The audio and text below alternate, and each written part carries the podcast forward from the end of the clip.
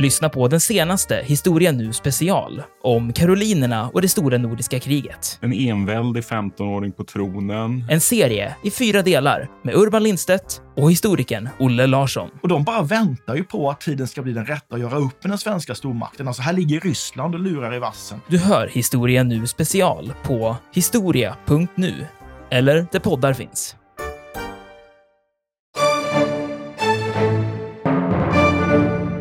Det är alltså hundratals år, 700-800 år av islamiskt välde på Pyreneiska halvön som har alstrat det här och många andra kulturella kvarlevor som få europeer utanför Spanien är medvetna om hur omfattande och fantastiska de faktiskt är. Vi har alltså glömt bort eller förträngt att stora delar av Europa från tidig medeltid hade en muslimsk historia som inte var en parentes utan som faktiskt var månghundraårig.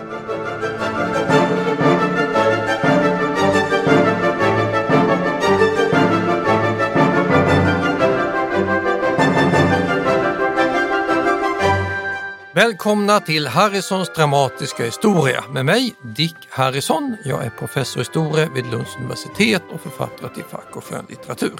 Och även välkomna till Katarina Harrison Lindberg, hustru till Dick och författare. Dick och jag, vi är så lyckligt lottade att vi har bekanta som har ett hus i Spanien. Mm. På Eh, Solkusten, inte långt från Córdoba. nej, precis. Så där har vi varit två gånger nu. Mm. Och jag tågluffade dit på 80-talet dessutom. Det är en fantastisk stad. Ja. Verkligen. Det häftiga med eh, Cordoba för alla som inte har varit där än, ni kommer att åka dit efter att vi har pratat färdigt nu, det är att eh, den här gamla eh, moskén finns kvar och det är, ett, det är jättestort alltså. Man kommer in på det här området och det är vackert med träd på den här innergården och sen när man kommer in i själva moskén så är det som en skog av pelare och valv som man rör sig under som är alltså Jag får en oändlighetskänsla Ja, det, nästan. det är enormt stort. Det är inte som att det är åtta pelare eller att det är tio meter eller sådär som en någon liten Ja, det är ett par någonstans. fotbollsplaner i suggestivt upplyst mörker med pelare på Ja. pelare på Man ska tänka så här att i den här skogen av pelare, mitt i den ligger en hel kyrka som är byggd i detta efter att det här blev kristet så småningom. Så så stort är det att mitt i så ligger det en kyrka. Ja, och skogen är då så stor att du bara skymtar kyrkan när du träder in. Så det Ja. är ett ställe där man säkert vistas en halvtimme till en timme och bara går och upplever miljön i sig. Och har man tur och man är där när det inte är så mycket folk, för det här är ett stort turist... Alla, alla kommer dit. Men kommer man dit när det är lite lågsäsong eller man bara har en väldig tur så kan man faktiskt få röra sig nästan ensam i det här och det är ju fantastiskt. Det är en upplevelse som... Man måste, ni måste åka dit. Mm, Då sätter man igång sin lilla videoinspelare på mobiltelefonen och rör sig långsamt runt och får in en av de mest fantastiska miljöer som finns i Europa. Och så ser man den där kyrkan i mitten som ser malplacerad ut. Ja, för det är en barock eh, kyrka tror jag va? Ja, den kommer in och jag tänker vad skönt om den inte hade funnits där. De hade väl kunnat göra om det till en kyrka utan att förstöra hela den här kulturella arvsbilden i mitten. Ja, för de har verkligen byggt en barockkyrka mitt i detta och den är stor. Det är, det är inte någon liten eh, landsortskyrka utan det är, det, är en, det är en stor kyrka som ligger mitt i. Och ändå så kan man röra sig i det här jättestora området utan att liksom se den. Nej. Och det här moskén i Córdoba som vi nu väljer att inleda med, det är ett resultat av att muslimerna ockuperade Spanien mellan 700-talet och 1400-talet. Det är alltså hundratals år, 700-800 år av islamiskt välde på Pyreneiska halvön som har alstrat det här och många andra kulturella kvarlevor som få europeer utanför Spanien är medvetna om hur omfattande och fantastiska de faktiskt är. Vi har alltså glömt bort eller förträngt att stora delar av Europa från tidig medeltid hade en muslimsk historia som inte var en parentes utan som faktiskt var månghundraårig. Och det är det vi tänkte prata om idag. Och det ska vi säga att det, man behöver inte åka till Cordova i Spanien får se det här. Muslimerna erövrade stora delar av Europa på andra håll också. Ja, vi har ju varit mycket på Sicilien. Där kan man också hitta lämningar efter den här tiden. Ja, framförallt som de kristna på Sicilien på 1011-1200-talet apade efter moskéarkitekturen och byggde kyrkor som då hade kupoler som mm. såg ut som om de hade varit muslimska. Och likaså om man åker runt på Balkan, alltså i Bosnien-Hercegovina, Albanien, får inte tala om Trakien, europeiska Turkiet. Islam är en del av den europeiska kulturella historien som vi ofta glömmer bort, men som är hisnande stor och eh, en enorm upplevelse när man till exempel står i den här Cordoba-moskén. Mm. Så frågan kommer då, ja, hur blev det så?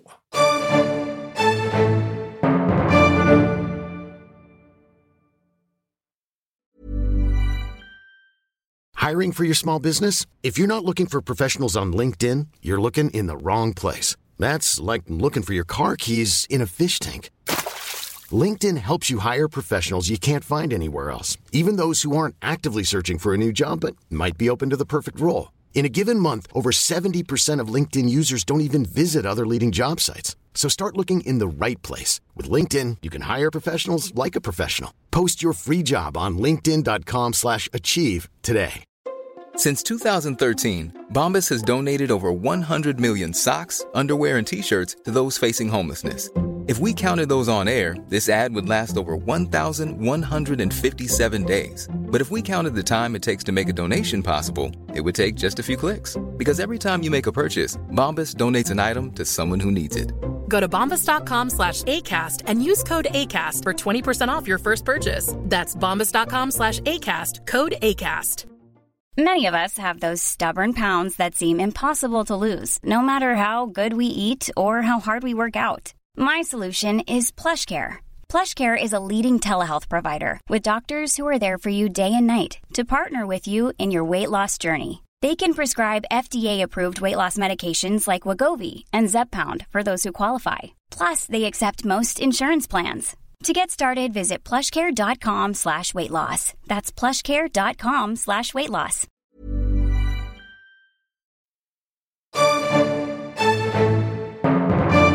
Jag tänker, vi kanske måste backa lite grann. För att det här, när det här inträffar, det är inte långt efter att eh, islam överhuvudtaget har grundats. Vi kanske ändå måste säga någonting om hur såg det hur, hur var det, låt säga, hur var det i, Arabia, i Arabien innan islam grundades? Ja, för det här gick väldigt fort. Det tror jag är det viktigaste att komma ihåg att det är en snabb explosiv utveckling. Kristendomen hade nu segrat i hela Sydeuropa, mindre Asien, Främre Orienten. Egypten var ett starkt, kanske det folkrikaste av alla kristna länder. Och hade någon ifrån yttre världsrymden landat på jorden i början av 600-talet och förutspått framtiden så hade de sagt att troligen så är det här kristet permanent. Det fanns inga hotande konkurrenter. Nej. Stormakten i östra medelhavsområdet då, det var liksom tidigare det romerska riket, nu i grekisk skepnad, bysantinska riket, Konstantinopel är huvudstad. Värsta fienden till Konstantinopel, det är, liksom under antiken, Iran, det gamla perserriket, och de krigar mot varandra i perioder ständigt återkommande fejder. Farligaste stället att bo på, i den delen av världen var givetvis Armenien som båda sidor ville ha. Så just där vid Armenien och dagens Kurdistan, där är det rejält mycket befästningar på båda håll. Mm. Där kan, du kan inte överraska någon med plötsligt krig där, utan där vet alla om att det är stormaktskonflikt och kallt krig som gäller. Arabvärlden däremot brydde sig ingen om. Fanns inga hot där. För araber, de, eh, de var sysselsatta med jordbruk, fiske, men Karavanhandel, ja. boskapsuppfödning och ganska de, få. Ja, de hade inte de här stora ja, imperierna som vi, om man uttrycker sig så. Då. Nej, utan, och dessutom både perser och romare ser till att skaffa sig lokala lakejer, alltså stammar som de betalar pengar till för att föra krig på entreprenad, alltså hålla det lugnt genom vasaller. Så i, varken perserna eller romarna trodde att det skulle komma ett hot från arabiska halvön. Det är något man eh, tar med en klackspark. Mm. Utan militära kraftkällor, det sätter man in längre norrut när man krigar mot varandra. Och det gjorde man jättemycket på 610 och 620-talet. Man ja, höll på i 20-tals år och kriga sönder varandra. Ja, för den här, den här kampen mellan Östrom då och Iran, eh, och Iran den, den når sin kulmen i början av 600-talet. Och det, då det var liksom ständigt, det var krig, det var tronföljdsstrider, det var elände. Och till slut så är de ganska utmattade av krig på båda sidorna. Ja, omkring år 630 så är Iran helt utmattat och Östrom behöver några decennier av fred för att återhämta Ja. sig också. Och eh, de här vasallerna som de, som de har använt i de här krigen, de är också ganska försvagade. Så Just då hade man sin gräns mot söder ovanligt försvagad. Men det gjorde ju inget, trodde man, för där finns ju inga fiender. Det är lite karavanledare och lite herdar och långt ner i Jemen finns det någon liten persisk provins, men alltså ändå Arabien. Vi har aldrig behövt vara rädda för dem förr. Ingen kom ens på tanken att ha ett eventuellt hot från Mecka, Medina, på allvar. Vilket man borde ha gjort. ja, för plötsligt så Hände. händer det någonting. Mohammed, han var då född cirka 570, medlem i Banu Hashim, det hashemitiska huset. Och han skall omkring år 610 ha fått en vision av en himmelsk varelse som senare identifierades med Jibril, ärkeängeln Gabriel. Och den himmelska varelsen förklarade att Mohammed var Guds rasul, ett ord som kan översättas med sändebud. Och sen påstås i Mohammed ha mottagit flera uppenbarelser. Långt senare skulle de här sättas ihop till en bok, Koranen. Mohammed börjar predika det här budskapet och då möter han motstånd från eh, de maktägande köpmännen i Mecka som menar att det här är farligt, hotat att underminera deras maktställning. Och Mohammed flyr då, eller förflyttar sig till Yathrib, en stad som heter Medina. Den sker år 622 och den brukar räknas som starten på den muslimska tideräkningen. Åtta år senare kan han återvända som segrare, inta Mecka och börja bygga upp det muslimska väldet. Och när han dör 632 då har han och hans anhängare lyckats lägga under sig i princip hela den arabiska halvön genom att då använda sig av inte bara krig och plundring utan också en religion, islam, underkastelse under Guds vilja som bärande element i utbredning av ett överhöghetsvälde. Och här hade det egentligen kunnat sluta. När Ja. Mohammed dör hade det här kunnat rasa samman som ett korthus, men det sker inte. Nej, och vad man ser är ju att det går ju väldigt, det går ju väldigt fort. Ja, vi snackar om år, inte Ja. decennier. Det, och, och det verkar inte finnas något eh, motstånd alls. Men då ska man kanske också tänka att även det, det gick fort, men det betyder inte att 100 procent av befolkningen i de här områdena som blir erövrade blir muslimer. Utan det är liksom en, en, en överhet som är muslimer. Det var lätt att bli er, erövrad. Man Ja. kan säga att du kan ansluta dig till härskarskiktet genom att bli muslim, men du behöver inte. Tillhör du bokens folk, alltså om du är jude, kristen eller så, zoroaster, då är du beskyddad och du kan leva vidare som vanligt. Du får betala en liten skatt. Precis, och ville man slippa skatten, då blev man muslim. Men kände man nej, jag tycker det är viktigare att eh, fortsätta vara ja, jude till exempel, så ja, då betalar man sin skatt och så, så var allt lugnt.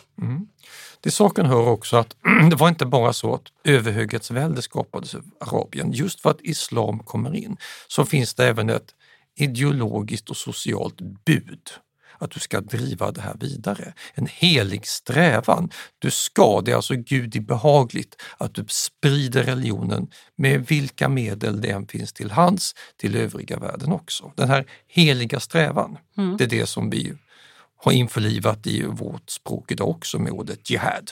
Precis. Heligt krig. Det är alltså inte nödvändigtvis krig, men du måste sprida det. Och det vet ju alla som ska sprida något budskap med vapen i hand tillgängligt, det är lättare. Så det, det blev en religiös och politisk dynamik med militära medel just i det läget då både Iran och Rom var ovanligt försvagade. Nu ska man dessutom lägga till att Mohammed skriver brev till Iran och romerska riket där han säger till dem att ni har fel i era religioner, byt till min. Och de ska ha ignorerat de här breven fullständigt. Och de tar inte hotet på allvar alls. Och därför går det som det går, mycket, mycket fort efter Muhammeds död. Hans efterträdare, kaliferna, det betyder bara ställföreträdare, ser till att inom loppet av 20-30 år erövra hela Iran, hela Syrien, hela Egypten och rycker vidare och tar så småningom hela Nordafrika. Det går alltså med en rasande hastighet eftersom fienden har undervärderat dem. Ja, och det här är ju egentligen ganska otroligt för samtidigt som det sker så, så, är det ju faktiskt, så finns det ju inre splittringar i den här religionen. Det är inte som att man är att, att alla är Nej, överens. de börjar bråka inbördes Ja. tidigt, karedjiter och sunni och Men shia. ändå så går det då väldigt fort och enkelt att lägga stora landområden under sig. Det är ju helt... Ja, man, Ja, men till exempel så här, arabiska armé med sitt starka kavalleri, det vill säga rör sig fort, omringar en stad, kan ge stadens invånare eh, två val. Antingen kapitulerar ni nu, ni behöver inte bli muslimer, vi har den här lilla skatten bara, men ni kapitulerar och ger er. Då blir allt lugnt, inget straff drabbas er. Eller så uthärdar ni belägringen i väntan på att det ska komma förstärkningar. Då gäller krigets lagar. Tar vi er stad så blir det plundring, ni blir förslavade eller dödade, alltså som i ett vanligt krig. Vad väljer ni? Ja, I ett läge där man då säger att det är Damaskus, Aleppo eller Jerusalem, där man vet att det dröjer väldigt länge innan vår kejsare skickar hit en väpnad styrka. Förresten, vår kejsare han vill betala jättehöga skatter och han är ganska jobbig. Vi kan bli av med honom och vi slipper utsätta oss för risken att bli våldtagna, dödade och försatta i slaveri om vi ger oss. Alltså, valet blir så småningom väldigt lätt. Åtminstone är det frestande att acceptera den nya överheten. Och lägg där till att man kommer som en överraskning i ett läge där det inte finns några egentliga försvarsåtgärder beredda. Allt detta bidrar till att förklara varför det går så fort. Plus att framgång föder framgång. Berberna i Nordafrika till exempel, de gick över till islam en masse väldigt fort. För de insåg att det här vill vi vara med om. det här är framtiden. Ja, exakt. Men ja, sen är ju steget, eh, det här är Nordafrika vi pratar om nu. Nordafrika är ju inte samma sak Vi som... ska ju till Spanien. Ja, vi ska ju till Spanien. Ja. Det är ett eh, steg att gå. Ja, och då, det här, Spanien brukar jag framhålla som ett mycket bra exempel på exakt hur den här erövringsprocessen gick till. Så nu får jag dicka mig lite. Ja, ja, kör på. Alla som har varit, nej, behöver inte så varit i södra Spanien, direkt med att titta på en karta och ha lite allmänbildning, vet att det ligger en klippa där nere som britterna snor från spanjorerna under spanska tronföljdskriget. Där du har kört bil tvärs igenom hela staten. Ja. Tog cirka 20 minuter för du körde långsamt. Gibraltar. Yes. Ja. Och det går tillbaka till Gibr al-Tariq, Tariks klippa, Jabal Tariq. Tarik, han hette Tarik ibn Ziyad egentligen och han var berberfältherre, alltså berber, tillhörde originalbefolkningen i Marocko. De som går över till islam direkt, för de insåg att det här är framtiden. Tarik, han är alltså ingen stor teolog, han är ingen guvernör, utan det är en nyligen konverterad lokal knös. Han genomför en sonderande plundringsexpedition på Pyreneiska halvön år 711. Alltså han åker inte dit med stor armé utan han inser att vi ska sprida islam och vi kan passa på att plundra. Då tar vi Spanien för det är det enda vi kan ta. I söderut ligger Sahara och västerut ligger Atlanten. Spanien kan vi åtminstone titta på. Man gör ett försök helt Ja, enkelt. han gör det här och då gör han det vid exakt rätt läge för att slippa möta motstånd. För det här är just när det visigotiska riket i Spanien har bytt härskare. De har fått en ny kung som heter Roderick och liksom många andra spanska härskare genom tiderna så har han ett ständigt säkerhetspolitiskt dilemma i norr. Baskerna vill inte lyda under honom. De är separatistiska och jobbiga och måste kuvas. Så han har tagit sin armé och flyttat sig så långt norrut han kan till Navarra och Baskien. Medan den här Tarik kom i söder. Så när Rodrik får veta att södra Spanien invaderats av berber, då måste han ta sig igenom hela Pyreneiska halvön snabbt och försöka kasta ut dem. Sen vet vi inte riktigt hur det går till.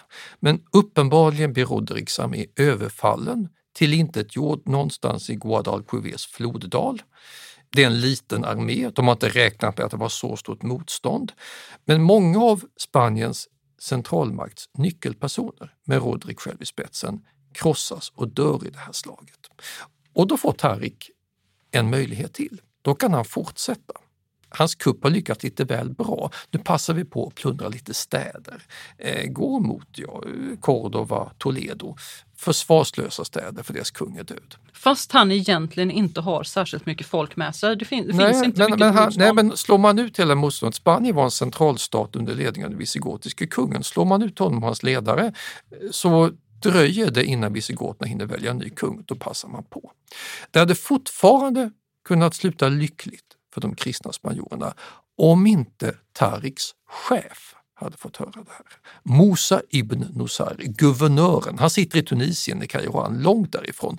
Men han blir väldigt orolig när han får höra att den där Tarik, nykonvertiten i Marocko, håller på att erövra Spanien. För med ryktet, alltså segrarna fördubblas med ryktet. Och det, det, ta, Musa ibn Nusayr, han vill inte ha en jobbig konkurrent som heter Tarik. Om Tarik däremot har lyckats i Spanien, då följer jag efter med en rejäl armé. Hmm. Så kort tid senare så finns det många, många araber och berber, muslimer i Spanien som följer upp Tariks framgångar. Och då har visigoterna inte mycket att sätta emot när det kommer vågor av sådana här jihadkämpar och driver dem framför sig. En visigotledare som Todmir i söder, ja, han tänker ju att det här är framtiden. Jag gör som berberna. Jag Mm. accepterar allt det här. Så på, inom loppet av tio år 711 till 721 så har plundringsexpeditionen förvandlats till en total erövring. Och Visigotrycket slutade inte vid Pyrenéerna. Nuvarande Languedoc i Sydfrankrike, Septimanien som det hette då, ingick också. Så det blev muslimskt med. Hmm. Så plundring och försök, mycket lyckosamt, sen följs det upp. Alltså lite slumpen. Hade det inte lyckats så hade Mosa inte behövt gå över. Då hade man inte erövrat Spanien. Men när man nu hade lyckats, varför inte fortsätta? Vi testar Sydfrankrike. Där sitter greve Odo av Toulouse, ska vi knocka ut honom? Det lyckas! Jättebra! Sydfrankrike blir på 720-talet också det muslimskt. Ö, Kan lyckas en gång till, vi testar Nordfrankrike. Där lyckas det inte. 732 besegras man. Och då följer man inte upp nederlaget med en större erövring utan då eh, försöker man att rikta sig åt något annat håll. Man är alltså flexibel. Det går ibland, det går inte ibland, men om det lyckas följs det upp och det går väldigt, väldigt fort. Vi kan ju spekulera i vad som hade hänt om man och 732 hade lyckats. Då hade ju Seinbäckenet med Paris blivit fullt av moskéer och i nästa skede hade man gått mot Mas, Ren, Elbe.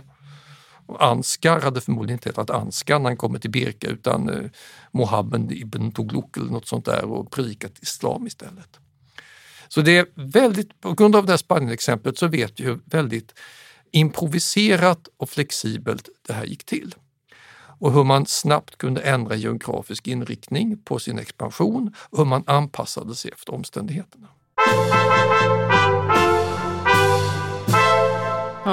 Det ger ju flera intressanta tankelekar för hur svenska kulturen hade sett ut om lyckan hade gått i arabernas händer i slag vid Poitiers 732.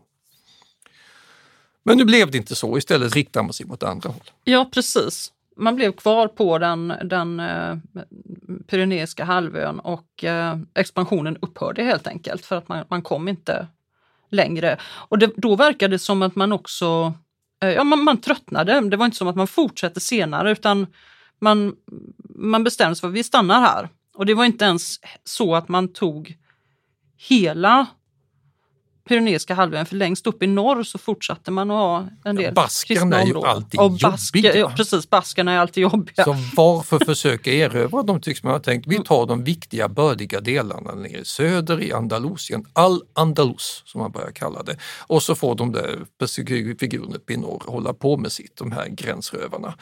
Asturien, Basken och så vidare. Då. Så man anpassar sig efter omständigheterna. Senare så skulle araberna ge sig på Sicilien, Italien, lite av alla möjliga ställen. Men i Spanien fastnar man alltså i det man har tagit de första tio åren och där sitter man kvar. Och då väldigt, var det precis, det var precis där som det var på andra ställen, att det från början är, det är bara ett överskikt. Viktiga personer som vill fortsätta att behålla sina, eh, sitt, eh, ja, sitt inflytande, de går över till islam eh, och andra gör det inte, betalar sin skatt. Men, men med åren så så, så blir det naturligtvis... Vi får eh, en mycket stor muslimsk befolkning. Ja, vi får en väldigt stor muslimsk befolkning på, i Spanien. Ja, och förstås eftersom Ja. det är eh, nödvändigt för att du ska kunna delta i Mm. överskiktet, bli guvernör, sitta och styra i städerna. Samtidigt som det lever kvar stora kristna och judiska befolkningsgrupper också.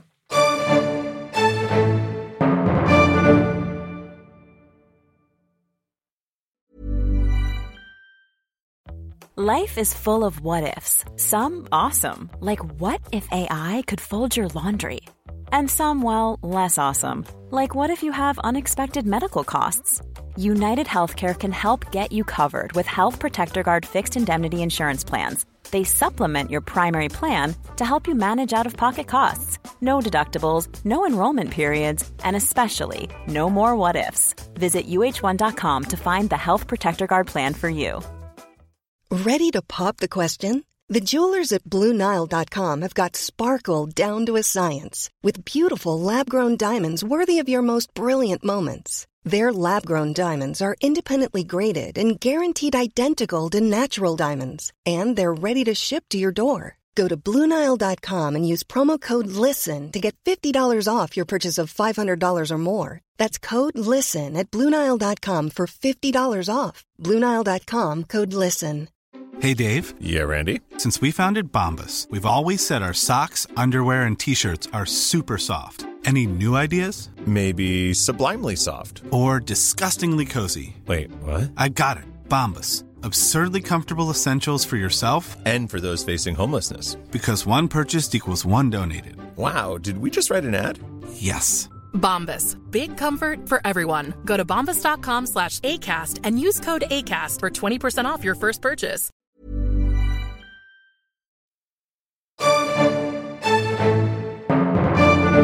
Spanien blir dessutom ett eget muslimskt land kan man ju lägga till, när man i mitten av 700-talet byter eh, dynasti borta i kalifatet i Bagdad, när man får abbasidiska dynastin som kommer in, ja då bryts i Spanien loss så att de får sina egna muslimska kungar. Och under hundratals år så behöver de här kungarna, emirerna, kaliferna på 900-talet inte bry sig om det minsta hot ifrån de här kristna rikena i norr för de var så pass små. Utan det här blir någon sorts självskriven, i all framtid varande erövring som man då kan börja satsa på. Alltså jordbruksmässigt, ekonomiskt, eh, bygga palats och så vidare. Och då läggs grunden för det här som vi kunde se i Córdoba. Precis. Men vi har ju missat någonting här och det är att Córdoba, moskén, liksom Umayyad-moskén i Damaskus och lämningarna i Bagdad, det är ju inga små saker. Det, är en, det vittnar om en enorm teknisk och konstnärlig briljans. Det här är så långt ifrån barbari man kan komma. De måste alltså ha trätt in i någon sorts storhetstid och renässans i ett väldigt tidigt skede och tagit till sig av all möjlig grekisk och orientalisk kultur och omvandlat det här i kulturminnen.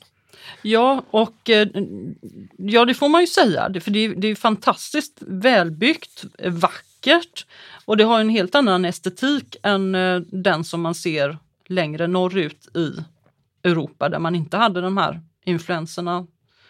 Så, så det, är det är väldigt speciellt att se. Ja. För att förstå den här arabiska storhetstiden med alla de här konstnärliga, ekonomiska, kulturella framstegen så får man tänka sig situationen där man i de här centrala städerna, Damaskus, Bagdad, Córdoba, faktiskt kan dra till sig kulturella influenser, konstnärliga, religiösa, filosofiska, medicinska, från hela den gamla flodkulturens område, alltså från Egypten, från Irak, ända borta från Pakistan, grekiska musikläggare och få dem att samarbeta inom ramen för den här stormakten. Och då får du korsbefruktningar av idéer. Och du får också dessutom enorma skatteinkomster som gör att idéerna kan bli verklighet.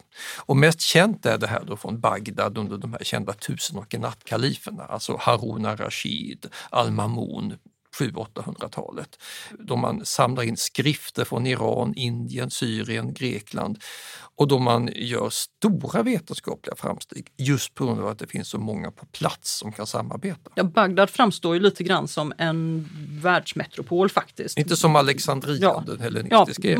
man, bra jämförelse med Alexandria. Liksom. Allt eh, samlas där, österifrån, västerifrån. Och, ehm, och och, sprids också därifrån. Ja, alltså, och till oss, jag menar, ta bara det här att muslimer får inte dricka alkohol.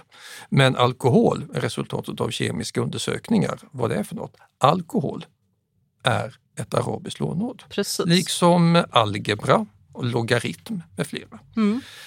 Och i samband med det här så utvecklas också islam från att bara ha varit de här, det här herrefolksideologin till att mer bli en köpmanna civilisation också, för de tar med sig det här i sin identitet med karavanserajer, bankväsen, lokala hov, hamnar vid Indiska oceanen med muslimska mynt och genast så sprids det här på ett fredligt vis över stora delar av Asien. Och våra vikingar mötte ju dem när de var ute och handlade i Ryssland och fick med sig arabiska mynt hem. Vi har 80-90 000 på våra museer. Ja. Samtidigt som det mycket väl kan leva kvar stora kristna befolkningsgrupper långt fram i tiden. Egypten var huvudsakligen kristet ända till 1200-1300-talet. Så islam upplever de här åren av storhetstid, med eller utan Spanien. Eh, det börjar brytas ned politiskt på 900-talet mer och mer eftersom man får in turkiska slavsoldater som man använder alldeles för mycket i inbördeskrig så att det blir självständiga emirat runt omkring. Men i Spanien så har man då det här självständiga muslimska riket som består i hundratals år. Ja, araberna och berberna, som, de som kom dit och erövrade det här, de kallade det här nya landet för Al-Andalus, Andalusien. Och eh, kärnan i väldigt, det låg i den här bördiga delen av Spanien som eh, fortfarande kallas Andalusien. Ja, det är alltså Córdoba, ja, Granada, precis. Sevilla. Och livsnerven utgjordes av floden Guadalquivir och städer som ja, Cordoba, Granada, Sevilla, alltså stora kända orter. Och det var ju en blomstringstid ja. i och med att de kunde plocka med sig alla de här kulturella och tekniska innovationerna från öster och lägga in dem i Spanien.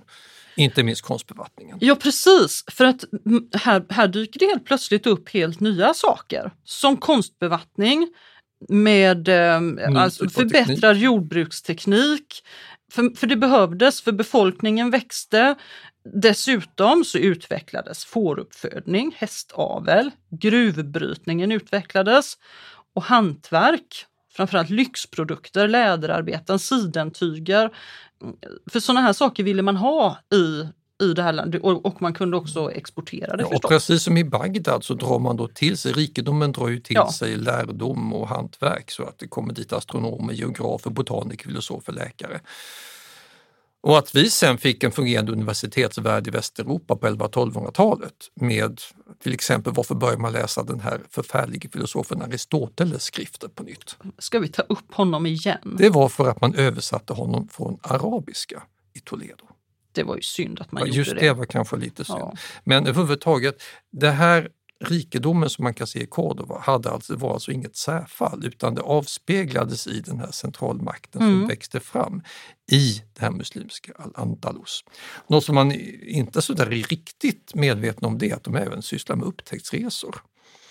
Det förvånade mig när jag upptäckte det, men de, mm. de var alltså, kanske till följd av att vikingarna dyker upp och då är de lite nervösa, så skickar de in, iväg expeditioner ända till Irland i norr och ända till Kanarieöarna som ska försöka kontrollera Atlanten.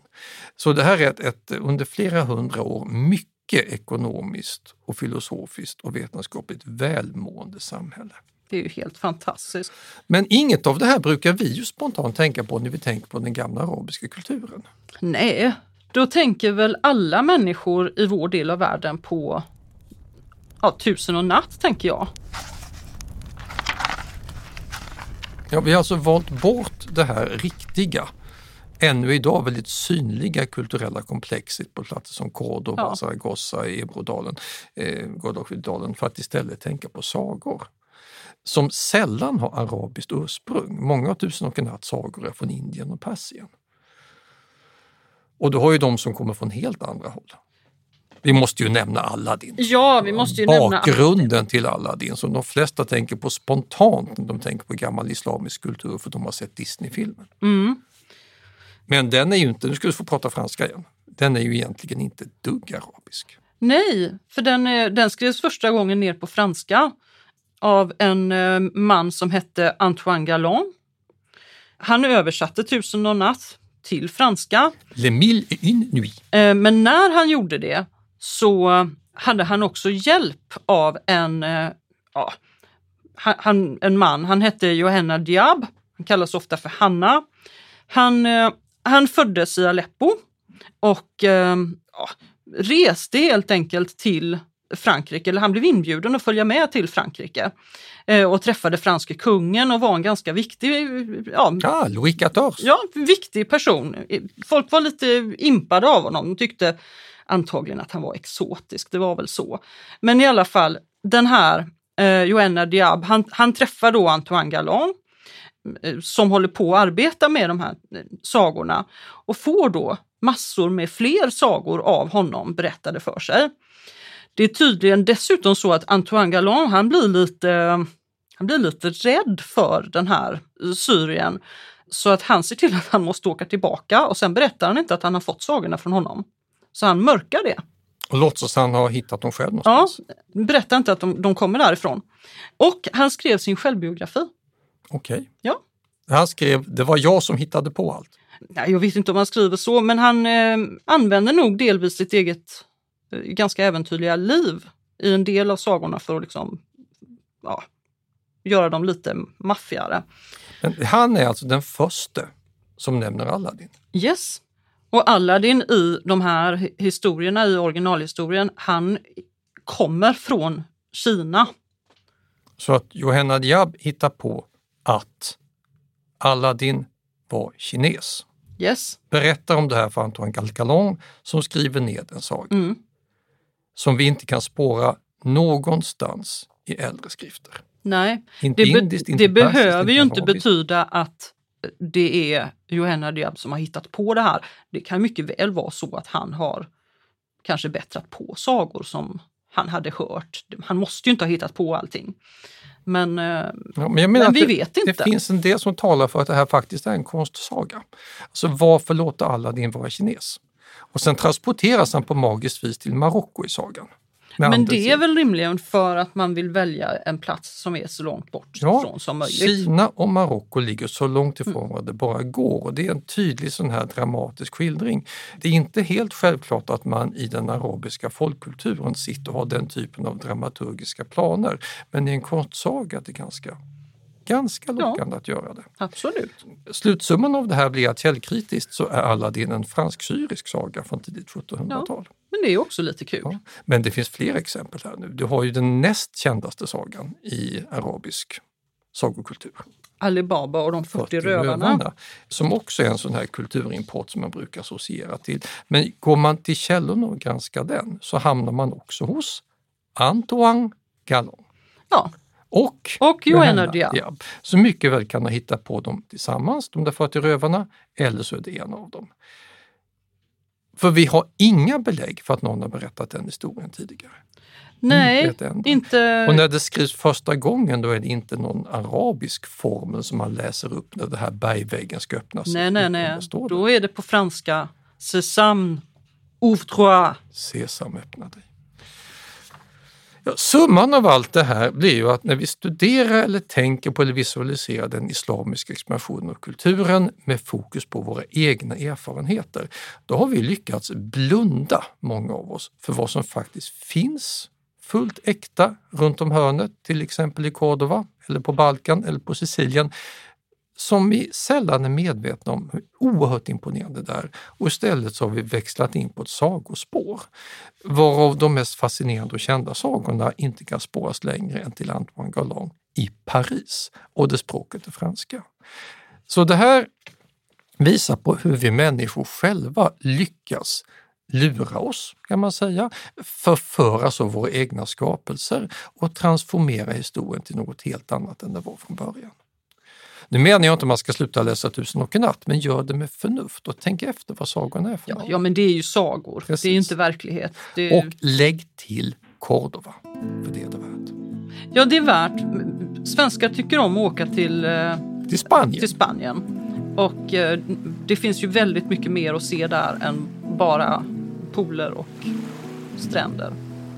Det är värt att eh, hyra en bil eller sätta sig på en buss och åka iväg och titta på de här platserna. För att det är Men Katarina, nu har vi nått slutet på det här poddavsnittet och nu har vi rört oss in i sagornas värld. Ja, det har vi Johanna gjort. Diab och hans fantasiskapelser, ju- Aladdin och Alibaba.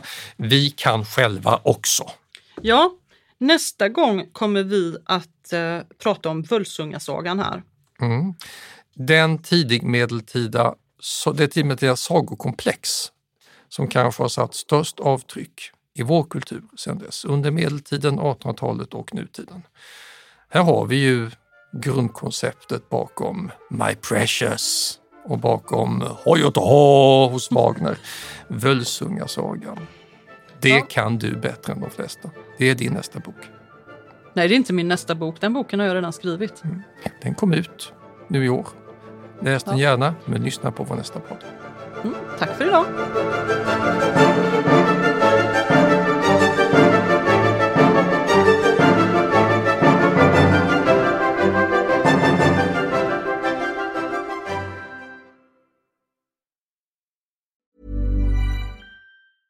Imagine the softest sheets you've ever felt. Now imagine them getting even softer over time. That's what you'll feel with Bowl and Branch's organic cotton sheets. In a recent customer survey, 96% replied that Bowl and Branch sheets get softer with every wash. Start getting your best night's sleep in these sheets that get softer and softer for years to come. Try their sheets with a 30-night guarantee. Plus, get 15% off your first order at bowlandbranch.com. Code BUTTERY. Exclusions apply. See site for details.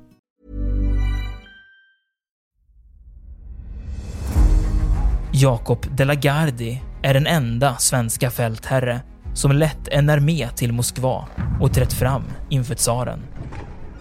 Bedriften gjorde honom till en av 1600-talets största befälhavare. Moskvas erövrare är den första biografin över Jakob de la Gardie, en av stormaktstidens portalfigurer. Historikern Peter Ullgren följer hans stormiga bana från den föräldralösa barndomen vid 1500-talets slut till maktens topp och den mullrande statsbegravningen i Stockholm 1652. Moskvas erövrare är utgiven av förlaget Historiska Media. Ljudboken finns tillgänglig hos streamingtjänster som Bookbeat, Storytel och Nextory. Beställ den fysiska boken på förlagets hemsida historiskamedia.se eller köp den i en bokhandel nära dig.